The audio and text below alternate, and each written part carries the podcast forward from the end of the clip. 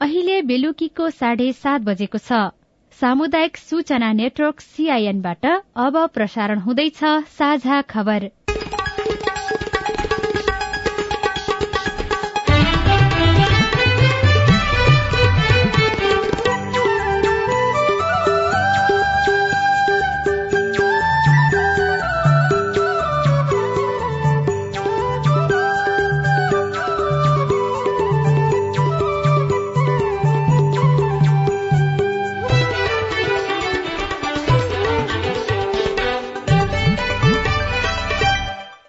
सीआईएनको साझा खबरबाट दीपक आचार्यको नमस्कार। साझा खबर देशभरिका सामुदायिक रेडियो सीआईएन खबर डट कम र मोबाइल एप सीआईएनमा पनि सुन्न सकिन्छ।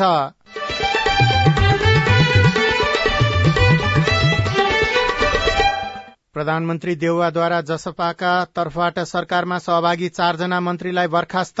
मध्य प्रदेशमा पनि मन्त्रीको बर्खास्तीको तयारी निर्वाचनको मत सर्वेक्षण नगर्न निर्देशन आचार संहिता कडाईका साथ पालना गराउन आग्रह। आचार संहिता पालनाका सम्बन्धमा भए गरेका गतिविधिहरूको गहन तथा सूक्ष्म रूपमा अध्ययन एवं निगरानी गरेर आचार संहिता पालना गराउन कार्यालय प्रमुखलाई विशेष निर्देशन पनि दिने निर्णय भएको छ। नौजनाको उम्मेद्वारी खारेजीको माग गर्दै सर्वोच्च अदालतमा रिट दर्ता। कांग्रेसद्वारा बागी उम्मेद्वार दिएकालाई उम्मेद्वारी निष्क्रिय पार्न आग्रह टिकट नपाएर असन्तुष्ट एमाले नेता भीम रावले पार्टीमै संघर्ष गर्ने। नेपालको सर्वोपरि हित एवं समृद्धिको मार्गमा चलोस् भने पार्टीका इमान्दार नेता र कार्यकर्ताहरूले भूमिका खेल्नुपर्छ भन्ने मेरो धारणा र आह्वान छ। पहिरोका कारण बाजुराको जगन्नाथ गाउँपालिकाका छैसठी घर परिवार विस्थापित अछाममा प्राविधिक शिक्षालय स्थापना भएपछि स्थानीय दंग नौ राष्ट्रिय खेलकुद प्रतियोगिताको उद्घाटनको तयारी पूरा। डेढ सय जनाले संयुक्त ब्यान्ड डिस्प्ले गर्नुहुनेछ र छप्पन्न जनाले सलामी ब्यान्डको पनि प्रदर्शन गर्नुहुनेछ। र चीनमा कोरोना भाइरसको दुईवटा नयाँ स्वरूप फैलिँदै।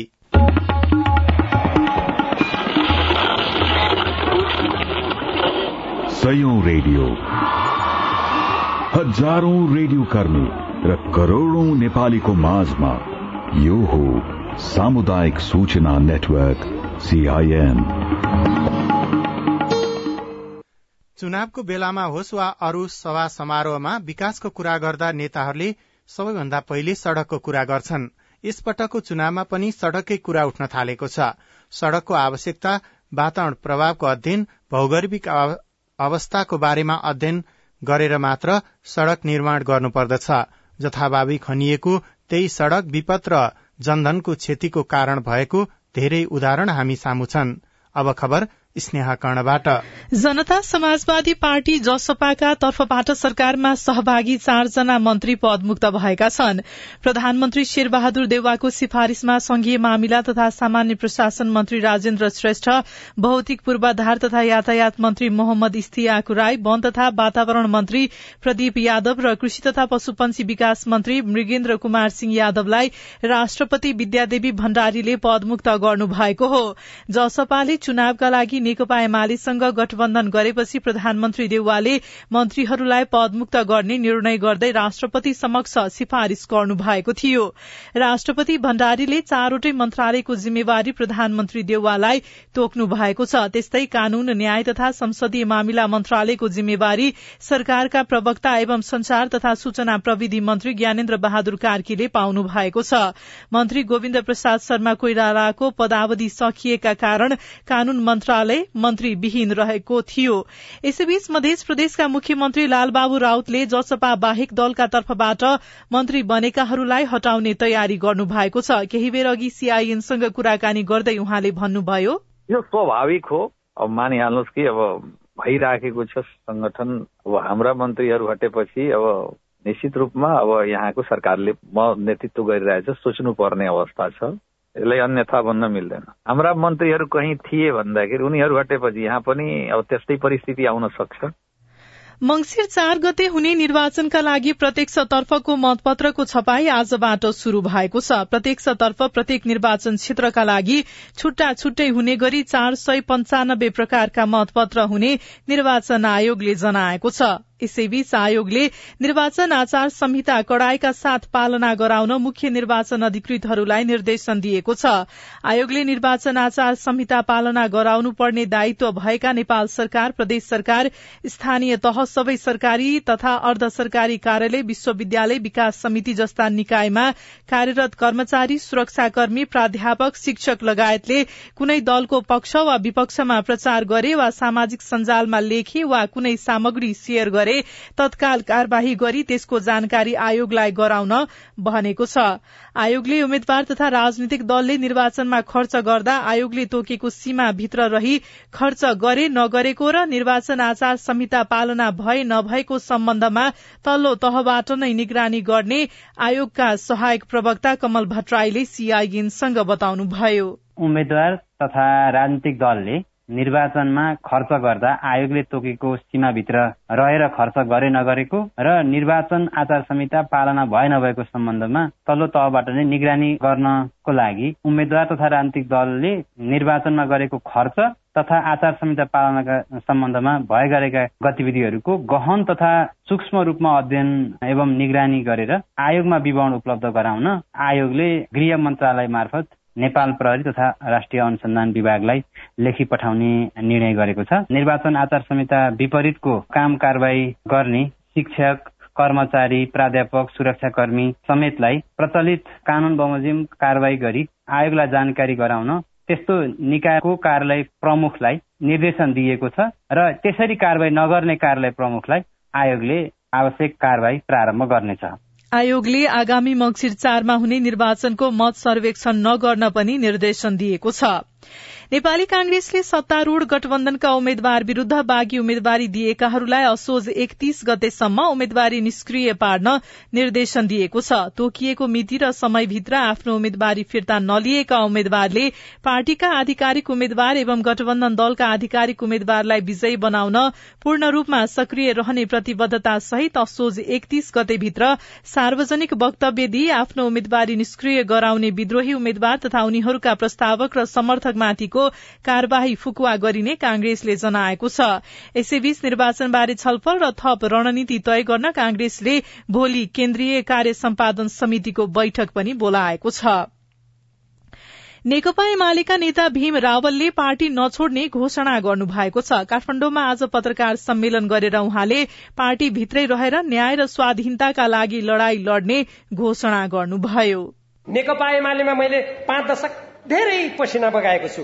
अनेकौं जोखिम र कष्टकर क्षणहरूको सामना गर्दै यस पार्टीको विस्तार र विकासमा योगदान गरेको छु। यहाँ मैले उम्मेद्वारी पाएँ कि पाइन भन्ने विषय भन्दा नेकपा एमालेको घोषित दर्शन सिद्धान्त नीति र कार्यक्रम विपरीत दक्षिणपन्थी शक्ति र व्यक्तिहरूसँगको साँठगाँठ तथा स्वदेशी र विदेशी प्रतिक्रियावादीहरूसँग सामिप्य र चलखेलले उम्मेद्वारीमा दखल भएको त होइन भन्ने चिन्ता हो। नेकपा एमाले स्वदेशी र विदेशी प्रतिक्रियावादी र नेपालको स्वतन्त्रता समृद्धिमा घात गर्नेहरूबाट टाढा रही सिद्धान्त र कार्यक्रममा दृढताका साथ उभिँदै नेपालको सर्वोपरि हित एवं समृद्धिको मार्गमा चलोस् भनी पार्टीका इमान्दार नेता र कार्यकर्ताहरूले भूमिका खेल्नुपर्छ भन्ने मेरो धारणा र आह्वान छ। आगामी निर्वाचनमा उम्मेद्वार बनेका नौजनाको उम्मेद्वारी खारेजीको माग गर्दै सर्वोच्च अदालतमा रिट दर्ता भएको छ। अधिवक्ता अनिल आचार्यले विजय कुमार गच्छेदार गोविन्दराज जोशी विक्रम पाण्डे प्रभु शाह सरिता गिरी डीबी तामाङ लक्ष्मी महतो र रेवतराज पुरीको उम्मेद्वारी खारेजीको माग गर्दै सर्वोच्चमा रिट दर्ता गराउनु भएको छ। अब विदेशको खबर चीनमा कोरोना भाइरसको थप दुईवटा नयाँ स्वरूप देखिएको छ। चीनको सेन्जेन सांघाई लगायतका शहरमा कोरोना भाइरसको बीएफ डट सात र बीए डट पाँच डट एक डट सात नामक नयाँ स्वरूप फैलिन थालेको छ। कोरोनाको नयाँ स्वरूप तीव्र गतिमा फैलिन थालेपछि स्थानीय प्रशासनले लकडाउनको घोषणा गरेको छ। अब खेल खबर। राष्ट्रिय खेलकुद परिषदले नव राष्ट्रिय खेलकुद प्रतियोगिताको औपचारिक उद्घाटनका लागि सबै तयारी सकिएको जनाएको छ। तीन सय त्रियानब्बे स्वर्ण तीन सय त्रियानब्बे रजत र छ सय काश्य पदकका लागि झण्डै सात हजार खेलाड़ीले प्रतिस्पर्धा गर्दैछन्। नेपाली खेलकुदको सबैभन्दा ठूलो प्रतियोगिताबारे पोखराबाट साथी अविनाश आचार्य। शान्त माछा पुछ्रेको चिसो हावा। पोखरा रंगशालामा चलिराखेको छ। रंगशालाको छेवैमा छु। नवौं राष्ट्रिय खेलकुद प्रतियोगिता यो गण्डकी प्रदेशको राजधानी पोखरासँगै गण्डकी प्रदेशका विभिन्न जिल्लामा आयोजना भइराखेको छ। यद्यपि उद्घाटन समारोह भने भोलि आयोजना हुनेछ। त्यसका लागि उपराष्ट्रपति नन्द बहादुर पुन आजै पोखरा आइसक्नु भएको छ। भोलि पुनसँगै अन्य विशिष्ट व्यक्तिहरूको उपस्थितिमा पोखरा रंगशालामा यो खेलकुद प्रतियोगिताको औपचारिक उद्घाटन समारोह हुनेछ। नौ राष्ट्रिय खेलकुद प्रतियोगिता समारोहका संयोजक एकेन्द्र कुँवर मसँग हुनुहुन्छ। उन्चालिस वर्षपछि दोस्रो पल्ट जुन गण्डकी प्रदेशमा हुनु गएको यो नौ राष्ट्रिय खेलकुद छ यसलाई सभ्य र भव्य गर्नको निम्ति सातै प्रदेशले झाँकी पनि प्रदर्शन गर्नेछन्। नेपाली सेनाद्वारा तीन सय जनाको मार्च पास गर्नुहुनेछ उहाँले झण्डा लिएर। डेढ सय जनाले संयुक्त ब्यान्ड डिस्प्ले गर्नुहुनेछ र छप्पन्न जनाले सलामी ब्यान्डको पनि प्रदर्शन गर्नुहुनेछ। केही खेलहरू सञ्चालन भइसकेका छन् केही खेलहरू सञ्चालन हुने क्रममा छन्। अन्य विशिष्ट व्यक्तिहरू सँगै उपराष्ट्रपति नन्द बहादुर पुन पनि उपस्थित हुने भएकाले भोलिको उद्घाटन समारोहलाई विशेष सुरक्षा चासोका दृष्टिकोणले हेरिएको छ। समग्र यो खेलकुद प्रतियोगिताको सुरक्षा प्रबन्ध कसरी मिलाइएको छ त्यसबारे जानकारी दिन मसँग गण्डकी प्रदेश प्रहरी प्रमुख प्रहरी नायब महानिरीक्षक रामदत्त दत्त जोशी मसँग हुनुहुन्छ। नेपाल प्रहरी एपिएफ नेपाली सेना र राष्ट्रिय अनुसन्धानको सुरक्षा निकायहरू इन्टिग्रेटेड एउटा खालको योजना बनाएका छौँ। त्यो योजनाले गर्दा हरेक खेलमा हरेक ठाउँमा प्रहरीहरू हुन्छ। आम नागरिकहरूलाई खेलाडीहरूलाई आवास हुने ठाउँमा या उनीहरूलाई यातायातमा सवारी चल्ने रुटहरूमा पनि सुरक्षा व्यवस्था हामीले मिलाएका छौँ र स्टाफहरूको अफिसियलहरूको समेत सुरक्षाको प्रबन्ध मिलाएका छौँ। तयारीका हिसाबले सुरक्षा प्रबन्धका हिसाबले सम्पूर्ण काम सकिएको हामीले जानकारी पाएका छौँ। यद्यपि केही कमी कमजोरी भएको उहाँहरूले स्वीकार गर्नुभएको छ र आगामी दिनमा यसलाई सुधारेर लैजाने प्रतिबद्धता पनि हामीले पाएका छौँ आयोजकबाट। अविनाश आचार्य सीआईएन पोखरा। नवराष्ट्रिय खेलकुद अन्तर्गत फेन्सिङको महिला फोइलमा सशस्त्र प्रहरी क्लब एपीएफले स्वर्ण पदक जितेको छ। प्रतियोगिताको महिला क्रिकेटमा मध्य प्रदेशले सुदूरपश्चिम प्रदेशलाई पन्ध्र रनले हराउँदै दोस्रो जीत हात पारेको छ। यसै गरी महिला क्रिकेटमा एपीएफ क्लबले गण्डकी प्रदेशलाई नौ विकेटले हराएको छ। प्रतियोगिता अन्तर्गत महिला भलिबलमा गण्डकी प्रदेशले विजयी शुरूआत गरेको छ। महिला हकीमा गण्डकी प्रदेशले विजयी शुरूआत गरेको छ भने पुरूष हकीमा आर्मी क्लबले गण्डकी प्रदेशलाई शून्यका विरूद्ध चार गोलले हराएको छ।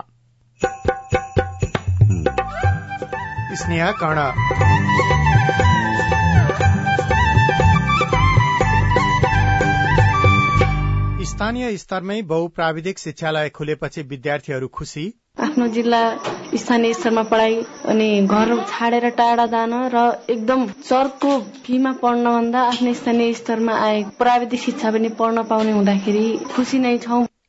अध्ययनका लागि जिल्ला छोड्नुपर्ने बाध्यताको अन्त्य रिपोर्टसँगै नयाँ सांसद चयनमा मतदाताले ध्यान दिनुपर्ने कुरा विशेष श्रृंखला हेलो सांसद लगायतका सामग्री बाँकी नै छन्। सीआईएनको साझा खबर सुन्दै गर्नुहोला।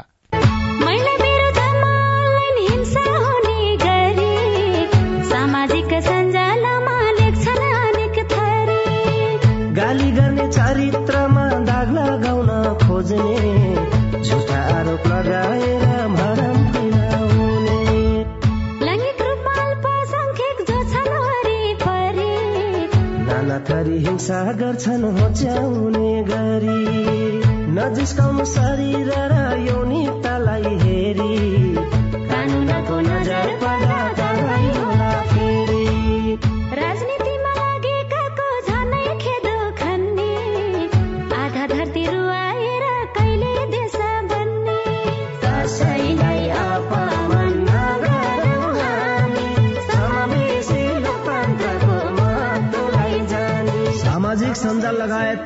अनलाइनमा हुने मिथ्या समाचार दुष्प्रचार र घृणा जन्ने अभिव्यक्ति कानूनी रूपमा दण्डनीय छ।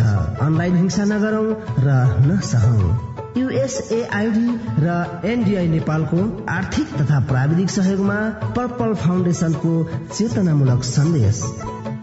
सामाजिक रूपान्तरणका लागि यो हो सामुदायिक सूचना नेटवर्क सीआईएन तपाई सामुदायिक सूचना नेटवर्क सीआईएनले काठमाडौँमा तयार पारेको साझा खबर सुन्दै हुनुहुन्छ। अब बाँकी खबर। जिल्ला प्रशासन कार्यालय जुम्लाले जिल्लाका सातवटा पालिकालाई संकटग्रस्त क्षेत्र घोषणा गर्न गृह मन्त्रालयमा सिफारिश गर्ने निर्णय गरेको छ। विपद जोखिम न्यूनीकरण तथा व्यवस्थापन एन दुई हजार चौहत्तरको दफा बत्तीस बमोजिम जुम्लाका कनका सुन्दरी गाउँपालिका सिन्जा गाउँपालिका हिमा गाउँपालिकालाई संकटग्रस्त क्षेत्र घोषणा गर्न गृह मन्त्रालयमा सिफारिश गर्ने निर्णय भएको रेडियो नारी आवाज जुम्लाले खबर पठाएको छ। बाजुराको जगन्नाथ गाउँपालिका वडा नम्बर छका छैसठी घर परिवार विस्थापित भएका छन्। गत सातादेखिको वर्षाले बस्तीको चारैतिरबाट बाढ़ी पहिरो आउँदा छैसठी घर परिवार विस्थापित भएका हुन्। गत बुधबारदेखि परेको निरन्तर वर्षाले वडा नम्बर छको पात्लेबाड़ी सियाली खिरारूख बैसारूख र माथिल्लो काप्रीका छैसठी घर परिवार विस्थापित भएको स्थानीय डबल विकले जानकारी दिनुभयो। रेडियो बुढीनन्दा बाजुराले खबर पठाएको छ। अछाममा पहिलो पटक सीटीभीटीको आंगिक शिक्षालय स्थापना भएपछि त्यस क्षेत्रका विद्यार्थी र अभिभावक खुशी भएका छन्। यो वर्ष मंगलसेन बहुप्राविधिक शिक्षालय स्थापना भएपछि अध्ययनका लागि अब जिल्ला छोड्नुपर्ने बाध्यताको अन्त्य भएको छ। मंगलसन सातका पर्मिला ढुङ्गाना याचे पढ्ने तयारीमा हुनुहुन्थ्यो। त्यसका लागि जिल्ला छोड्नु पर्ने उहाँको बाध्यता थियो तर मंगलसन बहुप्राविधिक शिक्षाले खुलेपछि चिन्ता हटेको छ। आफ्नो जिल्ला स्थानीय स्तरमा पढाइ अनि घर छाडेर टाढा जान र एकदम चर्को फीमा पढ्न भन्दा आफ्नो स्थानीय स्तरमा प्राविधिक शिक्षा पनि पढ्न पाउने हुँदाखेरि खुसी नै छौ। प्राविधिक शिक्षा तथा व्यावसायिक तालिम परिषद सिटिभिटीको आंगिक शिक्षालय रहने गरी मंगलसन बहुप्राविधिक शिक्षालयमा याची अध्ययनका लागि चालिस जनाको कोटा तोकिएको छ। यसले विद्यार्थी अभिभावक र शिक्षक समेत हर्षित छन्। षोडशा देवी माध्यमिक विद्यालयका प्रधानाध्यापक मदन बहादुर कुँवर। आर्थिक रूपले पनि उनीहरूले बाहिर भन्दा यहाँ सस्तो रूपमा पढ्न पाउने भए प्राइभेट रूपमा पनि भर्ना मिल्दैन यसमा भने। त्यो त आङ्गिक हो। जिल्लामा नै आङ्गिक भनेपछि त सस्तो नै हुन्छ। त्यसो भएको हुनाले एकदम चाहिँ विद्यार्थीहरूका लागि पनि एकदमै सुनौलो अवसर हो। अझै पनि चिकित्सक तथा स्वास्थ्य कर्मी दुर्गम जान नमान्ने प्रविधि हटेको छैन। अछाममा याचे पढ़ाइको व्यवस्थाले सो क्षेत्रकै स्वास्थ्य सेवा सुधारका लागि योगदान पुग्ने जिल्ला अस्पताल अछामका मेडिकल अधिकृत डाक्टर भुवन जीसी बताउनुहुन्छ। याचे सुरुवात गरेपछि यहाँ धेरै किसिमका स्वास्थ्य सुविधाहरू पनि मिल्न सक्नेछ। यहाँका जनताहरूलाई स्वास्थ्य क्षेत्रहरूमा अलिकति पहुँच सजिलो हुनेछ। चालिस जना विद्यार्थीका लागि कोटा निर्धारण गरिएकोमा एक सय सत्तालिस जनाको आवेदन दिएका थिए जसमध्ये प्रवेश परीक्षामा एक सय चौबिस जना सामेल भएका छन्। शिक्षा विभाग तथा सोमने इकाइका प्रमुख लक्ष्मण गिरी प्रत्येक जिल्लामा एउटा आङ्गिक प्राविधिकालय खोल्ने सिटिबिटीको रणनीति र नीति बमोजिम चाहिँ खोलिएको हो। अछाम जिल्लाकै हो। नाम चाहिँ मंगलसिंह प्राविधिक शिक्षालय भयो पनि। यो त्यसरी चाहिँ खोलिएको हो। शिक्षालय स्थापना पछि आगामी वर्ष अन्य विषय पनि सञ्चालन गर्ने तयारी भइरहँदा पढ़ाइको गुणस्तर र स्रोत साधनको अभाव हुन्छ कि भन्ने चिन्ता पनि अभिभावकमा देखिन्छ। आनन्द साउ सीआईएन रेडियो रामारोसन अछाम साझा खबरमा अब हेलो सीआईएन उषा तामाङबाट। नमस्कार म देवेन्द्र सिंह माया सरकारी कर्मचारी हुँदै छिहत्तर सालपछि भर्ना सञ्चय कोष कार्ड दिने छैन कार्यालयले सञ्चय कोष कार्ड बनाउने भनेको छ। सञ्चय कोष कार्डको लागि के छ प्रक्रिया? जवाफ दिँदै हुनुहुन्छ कर्मचारी सञ्चय कोष शाखा कार्यालय धनगढ़ीका प्रमुख कृष्ण कुमार जेसी सञ्चय कोषको परिचय पत्र अहिले बन्दैन। केवाइसी भर्ने सञ्चय कोषमा आएर पैसा निकाल्न मिल्छ। केवाइसी भरेपछि अरू काम हुन्छ। भनेपछि आवश्यक छैन कार्ड? छैन अहिले तत्काल छैन। हुम्लाको अदानचुली गाउँपालिकाबाट सीआईएनको फेसबुकमा प्राप्त भएको प्रश्न छ अदानचुली गाउँपालिकाको भिघाटदेखि कल्खेसम्म निर्माण हुने भनेको सड़क अहिलेसम्म आधा मात्रै निर्माण सम्पन्न भयो। बाँकी काम किन रोकियो वा यति मात्रै सड़क निर्माण हुने हो? तपाईँको प्रश्न सुनिसकेपछि अदानचुली गाउँपालिका हुम्लाका अध्यक्ष मोहन विक्रम सिंह भन्नुहुन्छ। हामीले कागज लगाएर पहिले नै काम तुरन्तै सम्पन्न गर्ने पच्चिस दिनभित्र भनेर कागज गराएर लेखेर नै काम अगाडि बढिसकेका हो। काम पनि धेरैभन्दा धेरै भइसकेका थियो। अहिले यो बिचमा सम्पन्न गरेका छौँ भनिरहेका छन्। के हो? फेरि म त्यहाँको स्थानीय साथीहरूलाई बुझेर इस्टिमेट अनुसारको गरे अथवा गरेनन् भन्ने कुरा चाहिँ म बुझ्छु। पञ्चदेवल विनायक नगरपालिका एकमा रहेको श्री जलपेश्वरी माध्यमिक विद्यालयमा कक्षा आठमा अध्ययनरत विद्यार्थी हौ प्रथम त्रैमासिक परीक्षा सकिँदा पनि कम्प्युटर शिक्षा पाठ्य पुस्तक पाएका छैनौँ। कम्प्युटर शिक्षा पाठ्य पुस्तक हामीले कहिलेसम्म पाउँछौँ होला जानकारी गराइदिएको भए आभारी हुने थिए। धन्यवाद। तपाईँको प्रश्न हामीले पञ्चदेवल विनायक नगरपालिकाका शिक्षा शाखा संयोजक डम्बर बहादुर थापालाई सुनाएका छौं। किताबहरू सबै आइसकेको तर कम्प्युटर किताब चाहिँ त्यो भनेको हाम्रो चाहिँ अब पाठ्यक्रम परिवर्तन हुने क्रममै छ। अहिले जस्तै तपाईँको सातसम्म पुगिराखेको छ नि त। प्रत्येक वर्ष ग्रेड वाइज चाहिँ तपाईँको पाठ्यक्रम परिवर्तन भइराखेको छ। अनि त्यो कारणले गर्दा जुन कम्प्युटर किताब भनेको पुरानो जति पनि थियो विक्रेताहरूसँग स्टक किनभने आठ क्लासमा त पुरानै पाठ्यक्रम लागू छ अहिले पनि त्यो चाहिँ वितरण गरेको र नयाँ पाठ्य पुस्तक चाहिँ नछापेको कारणले गर्दा केन्द्रबाट नै तपाईँको विक्रेता कहाँ आइ नपुगेको कारणले गर्दा विद्यालयमा उपलब्ध हुन नसकेको रहेछ। अनि विक्रेताले के भनेको छ भने अब यो तिहार भन्दा पछि हाम्रो स्कुल चाहिँ सुचारू हुन्छ र त्यति बेला चाहिँ सबैको हातमा चाहिँ पाठ्य पुस्तक पुग्ने गरेर चाहिँ हामी व्यवस्थापन गर्दैछौँ। तपाई जुनसुकै बेला हाम्रो आइभीआर नम्बर शून्य एक बान्न साठी छ चार छमा फोन गरेर आफ्नो विचार गुनासो प्रश्न तथा प्रतिक्रिया रेकर्ड गर्न सक्नुहुनेछ। तपाई सामुदायिक सूचना नेटवर्क सीआईएन ले काठमाण्डुमा तयार पारेको साझा खबर सुन्दै हुनुहुन्छ। साझा खबर मोबाइल एप नेपाली पात्रोबाट पनि सुनिरहनु भएको छ। नयाँ सांसद चयनमा मतदाताले ध्यान दिनुपर्ने कुरा? तपाईँ पिएसओ लिएर उभिनुहुन्छ तपाईँलाई कसले प्रश्न गर्छ? सामान्य मान्छे ट्राफिक पुलिससँग त डराएर हिँड्छन्। अब तपाईँ बन्दुक बोकेको पेस्तोल घुसारेको सुरक्षाकर्मी देखेपछि कसैले बोल्दछ त? विशेष श्रृंखला हेलो सांसद बाँकी नै छ। सीआईएनको साझा खबर सुन्दै गर्नुहोला। रोमा दिदी फेरि चुनाव लागे जस्तो छ नि कताको यात्रा हो? तल चौतारीमा आज सबै पार्टीका अध्यक्षहरू आउने रे। महिलालाई टिकट देऊ भनेर दबाब दिन हिँडेको। भनेपछि महिला उम्मेद्वारको पक्षमा महिलाको र्याली अनि दिदी महिलालाई उम्मेद्वार बनाउन तयार हुन्छन् त पार्टी र पुरुष नेताहरू? संविधानले तेत्तीस प्रतिशत महिला सहभागिता गराउनु पर्ने भनेको छ। त्यसैले अब महिला उम्मेद्वारलाई मतदान गरी जिताउनु पर्छ क्या? अनि महिला नै किन? पहिलो त जनसंख्याको आधारमा हाम्रो प्रतिनिधित्व हुने कुरा लोकतन्त्रको आधार हो र हाम्रो अधिकार पनि। अर्को महिलाले जितेमा महिला र अन्य पछाडि पारिएका समुदायको मुद्दा सम्बोधन नीतिगत व्यवस्था र कार्यान्वयन प्रभावकारी हुन्छ। सुन्या होला नि जसको सवाल उसकै नेतृत्व। अनि सुन्नु त महिला उम्मेद्वार उठेपछि उनीहरूका घोषणा पत्रमा महिलाका लागि के के विषय राख्ने भन्ने बारे पनि यस्तै खबरदारी गर्नुपर्छ। घोषणा पत्रले महिलाको सवाल समेट्न सक्यो भने पो हाम्रा मुद्दा अगाडि आउँछन्। नेताहरू उत्तरदायी हुन्थे र हामी महिलाहरूलाई पनि भोट दिम दिम लाग्छ नि। महिला उम्मेद्वार उठेपछि महिलाका लागि के के कुरा चाहिन्छ भन्ने बारे त फेरि हामीले नै सुझाव दिने हो क्या? आगामी मंगिर चारको प्रतिनिधि र प्रदेश सभा निर्वाचनका लागि संविधानको व्यवस्था अनुसार महिला उम्मेद्वारलाई मतदान गरौं। महिला पुनस्थापना केन्द्र ओरेक नेम्स केयर नेपाल र सामुदायिक सूचना नेटवर्क सीआईएन तपाईँले सीआईएनको साझा खबरका मुख्य शीर्षकहरू नेपाल टेलिकमको सिम भएको मोबाइल नम्बरबाट पटक पटक जुनसुकै बेला निशुल्क सुन्न सक्नुहुन्छ।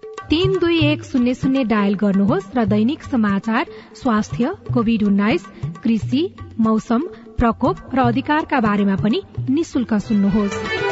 तीन दुई एक शून्य शून्य सूचनाको संचार सामाजिक रूपान्तरणका लागि यो हो सामुदायिक सूचना नेटवर्क सीआईएन तपाई सामुदायिक सूचना नेटवर्क सीआईएन ले काठमाण्डुमा तयार पारेको साझा खबर सुन्दै हुनुहुन्छ। अब प्रस्तुत छ संवाद श्रृंखला हेलो सांसद। नमस्कार। संवाद श्रृंखला हेलो सांसदमा तपाईँलाई हार्दिक स्वागत छ। म लील प्रकाश चन्द। आजको हेलो सांसदमा विगतको संसद कस्तो रह्यो? नागरिकको सहभागिता र राजनीतिक दलहरू निर्वाचनमा हुमिएका छन्। गठबन्धनले पार्ने प्रभाव लगायतका विषयमा कुराकानीका लागि हामीसँग वरिष्ठ संविधानविद डाक्टर विपिन अधिकारी हुनुहुन्छ। यहाँलाई हार्दिक स्वागत छ। धन्यवाद नमस्ते। पाँच वर्षको संसद र सांसदको बारेमा केही टिका टिप्पणी गर्दै अगाडि बढौं। नयाँ संविधान लागू भएपछिको जुन नयाँ निर्वाचित संसद छ त्यो धेरै महत्वपूर्ण संसद हो। तर शुरूका वर्षहरूमा यसले धेरै राम्रा कामहरू गरेको छ जस्तो संविधान कार्यान्वयन सम्बन्धी ऐन नियम जुन कानूनहरू आए लागू गरिए प्रदेशहरूको संरचना तयार गरियो स्थानीय सरकारलाई सेटल गरियो यी सबै कुराहरूमा यसको ठूलो भूमिका रह्यो। यहाँले जुन शुरूको मात्रै भन्नुभयो नि पछाडिको चाहिँ नराम्रो हो पछाडि जब प्रधानमन्त्री केपी ओलीले संसद विघटन गर्नुभयो र उहाँलाई विघटनका लागि बाध्य गर्नलाई जुन राजनीति भयो हो त्यहाँदेखि चाहिँ अलिकति स्थिति बिग्रिएको देखिन्छ। यदि त्यस्तो गन्जागत नभएको भए नागरिकले खास के सुविधा पाउँथे संसद र सांसदहरूबाट? हाम्रो संसदमा प्रधानमन्त्री अधिवेशन चलुन्जेलसम्म बस्ने चलन अब छैन। मन्त्रीहरूमा पनि सिनियर मन्त्रीहरू अधिवेशनमा बस्दैनन्। तपाईँको समिति प्रणालीमा जवाफ दिने मान्छेहरूमा को हुन्छन्? भन्दा अब त सचिवहरू पनि हुँदैनन्। अब सहसचिव हुन्छन् उपसचिव हुन्छ पाए शाखा अधिकृतले काम चलाउने भइसक्यो। यहाँ जनताका नाममा खर्च भएको पैसाको हिसाब छैन। बेरुजु तपाईँको दुई हजार बिस सालदेखि आजसम्म एउटै कुराको बेरुजु पाइराख्नुहुन्छ सजाय गर्ने कानून बन्दैन। प्रदेश सभा र प्रतिनिधि सभाको निर्वाचनको बेलामा अघिल्लो पटक सांसद छान्दाखेरि नागरिक स्तरबाट गल्ती भयो भन्ने तपाईँलाई लाग्छ? एकदमै गल्ती भयो नि त। अनि त्यसैको परिणाम हो नि त भोट हाल्ने जनतालाई जागरूक बनाउनु पर्यो। उनीहरूले बुझ्नु पर्यो कि हामीले योग्य मान्छेलाई लैजानुपर्छ र योग्य मान्छे गयो भने मात्र हामीसँग जवाबदेहीपूर्ण र सक्षम शासन हुन सक्दछ। अहिले नै जस्तो हाम्रो प्रधानमन्त्रीले निर्वाचनको घोषणा गर्नुभयो। प्रतिनिधि सभा भंग गर्नु भएन संसारमा जेसुकै होस् हाम्रो चाहिँ हुने यस्तै हो भनेपछि त काम लाग्यो त। निर्वाचनको घोषणा गरेपछि संसदलाई विदा गरिन्छ। विघटन गर्ने बित्तिकै के हुन्थ्यो भने सबै मान्छे समान तहमा उभिन्थे। अनि त्यसपछि साँच्चैकै राजनीति पैसाका आधारमा होइन दम्बका आधारमा होइन पावरका आधारमा होइन मोटर र पिएसओका आधारमा होइन अनुहार देखाएर लखरक लखरक घर दैलो गर्नुपर्ने अवस्था आउँछ त्यसले चाहिँ के अर्थ राख्छ र यदि साँच्चीकै नागरिकमा त्यो चेतनाको स्तर माथि उकासिएको हो भने त जस्तो सुकै झण्डावाला गाडी लिएर आए पनि त्यसमा के काम गर्छ? हो गर्दैन। मान्छेलाई प्रश्न गर्ने अवस्थामा पुर्याइदिन्छ। तपाईँ पिएसओ लिएर उभिनुहुन्छ तपाईँलाई कसले प्रश्न गर्छ? सामान्य मान्छे ट्राफिक पुलिससँग त डराएर हिँड्छन्। अब तपाईँ बन्दुक बोकेको पेस्तोल घुसारेको सुरक्षाकर्मी देखेपछि कसैले बोल्दछ त बोल्दैन। भनेको प्रधानमन्त्री र मन्त्रीहरूले चुनाव प्रचार प्रसारमा जाउँ भनेर जुन माग गर्नुभयो र निर्वाचन आयोगले फेरि त्यो व्यवस्था सच्याएर गरिदियो मतदाता प्रभावित पार्नको लागि यो राम्रो माध्यम मतदाता यसबाट प्रभावित हुन्छन्। सरकारले हामीसँग म्यान्डेट थियो त्यसैले आज काम चलाउ सरकारका रूपमा काम गरिरहेका छौं। नयाँ कुरा गर्दैनौ बजेटतिर मुख लाउँदैनौ। कुनै कन्ट्र्याक्ट हामीले चाहिँ साइन पनि गर्दैनौ। जबसम्म निर्वाचन हुँदैन तबसम्म हामी सरकारको रूपमा दैनिक प्रशासन निर्वाह गर्छौं भनेर सरकार थन्किनु पर्ने नक्सा नै पर्याप्त रूपमा नबनिसकेको सड़कको पनि उद्घाटन भयो। जब क्यान्डिडेट भएको छु म अब निर्वाचनको घोषणा भइसक्यो यी हेर तिम्रो गाउँमा मैले बाटो खन्दैछु। भनेर देखाउनु भयो भने तपाईँले चार भोट त बढी पाउनु भयो नि त। त्यो गलत हो। मतदाता नै शक्तिशाली हो अहिलेको अवस्थामा। कुनै उम्मेद्वार अथवा कुनै राजनैतिक दल पुग्दाखेरि कति धेरै मान्छे साथमा लिएर आएको छ त्यो हेर्ने हो कि? योभन्दा अगाडि कुन कुन पदमा पुगिसकेको थियो त्यो पो हेर्ने हो कि? अथवा बाजे र मेरो बजेको पालामा जुन पार्टीमा घर परिवारले चाहिँ भोट हालिराखेको त्यही हाल्ने गरी गर्ने हो कि? के कुरामा ध्यान दिने त? जो सामाजिक क्षेत्रको होइन ऊ प्रति अलिकति प्रश्नवाचक चिन्ह राख्नु पर्यो। भनेको अब ठेकापट्टा गरिरहेको मान्छे छ ठूलो ठूलो व्यापारी छ प्रशस्त एकदम सम्पत्ति भएर यो सम्पत्ति बटुलेर हिँडेको मान्छे अब तपाईँनिर भोट माग्न आइरहेको छ भने रेकर्ड हेर्नु पर्यो। यो सामाजिक क्षेत्रको हो कि होइन? उसलाई भोट दिँदा मेरो इज्जत हुन्छ कि हुँदैन मेरो समाजको लागि के कन्ट्रिब्युसन हुन्छ भनेर हेर्नु पर्यो। दोस्रो कुरो उसको चाहिँ एउटा व्यक्तिगत नैतिकता हेर्नु पर्यो। मान्छेले काम गरेको छैन छ त्यो त थाहा भइहाल्छ। तर उसको व्यक्तिगत चरित्र जिन्दगीभरि तपाईँको छिमेकमा बस्ने मान्छे कहिले नआउने मान्छे अब टिकट पाएको हुनाले दैलो दैलो चाहिँ टाउको निहुराउँदै आयो भने पत्याउनुहुन्छ त्यो पनि विचार गर्नु पर्यो प्रतिनिधित्व भनेको गुणात्मक कुरा हो। एउटा योग्य मान्छेले तपाईँलाई दस गुणा बढी प्रतिनिधित्व दिन सक्दछ किनभने उसको क्षमता हुन्छ। हाम्रो चाहिँ संसद किन काम गर्न सकेको छैन भने कानून बनाउने ठाउँमा त कानून बनाउन योग्य मान्छेहरू जानु पर्यो नि। तर अहिले हाम्रो समाजमा राजनीतिक दलले नै छरेको एउटा गलत भ्रम के छ भने विकास निर्माण यो योजना बनाउँछु त्यो पुल बनाउँछु भन्ने व्यक्तिले जितेर जान्छ। तर म साँच्चै के कानूनै बनाउनको लागि चाहिँ लड्न खोजेको भने उसले त भोट पाउने स्थिति छैन नि त नेपालमा। तपाईँले भनेको एकदमै सही हो। कानून बनाउनका लागि नै संसद चाहिएको। विकास गर्ने र गरिएको विकास प्रति असन्तुष्टि छ भने जवाफ दिने काम सरकारको हो। पढे लेखेका दुई चार कुरा सुनेका जानेका देश विदेशमा घुमेका व्यक्तिहरूले चुनावको बेलामा घर आसपासमा हुन सक्छन्। उनीहरूले साँच्चीकै चुलो चौकोमा सीमित रहेका त्यस्ता व्यक्तिहरूलाई चेतना जोगाउनको लागि के के भूमिका कस्तो खेल्नुपर्छ अब मलाई लाग्दछ त्यो प्रक्रिया त शुरू भइसकेको छ। नागरिक समाजले पनि अब स्वतन्त्र हुनु पर्यो भरौटे हुनु भएन। त्यो नागरिक समाज फलानु पार्टीको नागरिक समाज भनेर चिनिनु भएन। उसको स्वतन्त्र हुनु पर्यो राजनीतिमा धेरै इच्छा छ भने आफै पाखुरा सुर्केर जाने र आफ्नो कुरो प्रष्ट रूपमा भनिदिने ताकि आम मान्छेलाई त्यो कुरोको चाहिँ महत्व थाहा होस्। संवाद श्रृंखला हेलो सांसदको विस्तृत छलफल भोलि बिहान साढे छ बजेको कार्यक्रम हेलो सांसदमा प्रसारण हुनेछ सुन्ने प्रयास गर्नुहोला।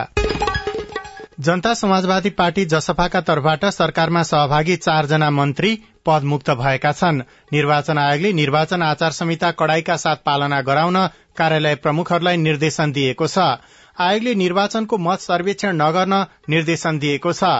चीनमा कोरोना भाइरसको दुईवटा नयाँ स्वरूप फैलन थालेको छ र नौ राष्ट्रिय खेलकुद प्रतियोगिताको उद्घाटनको तयारी पूरा भएको छ। अवस्था आजलाई साझा खबरको समय सकियो। प्राविधिक साथी सुरेन्द्र सिंहलाई धन्यवाद। भोलि असोज अठाइस गते बिहान छ बजेको साझा खबरमा फेरि भेटौँला। अहिलेलाई भने म दीपक आचार्य पनि विदा हुन्छु। नमस्कार शुभरात्री।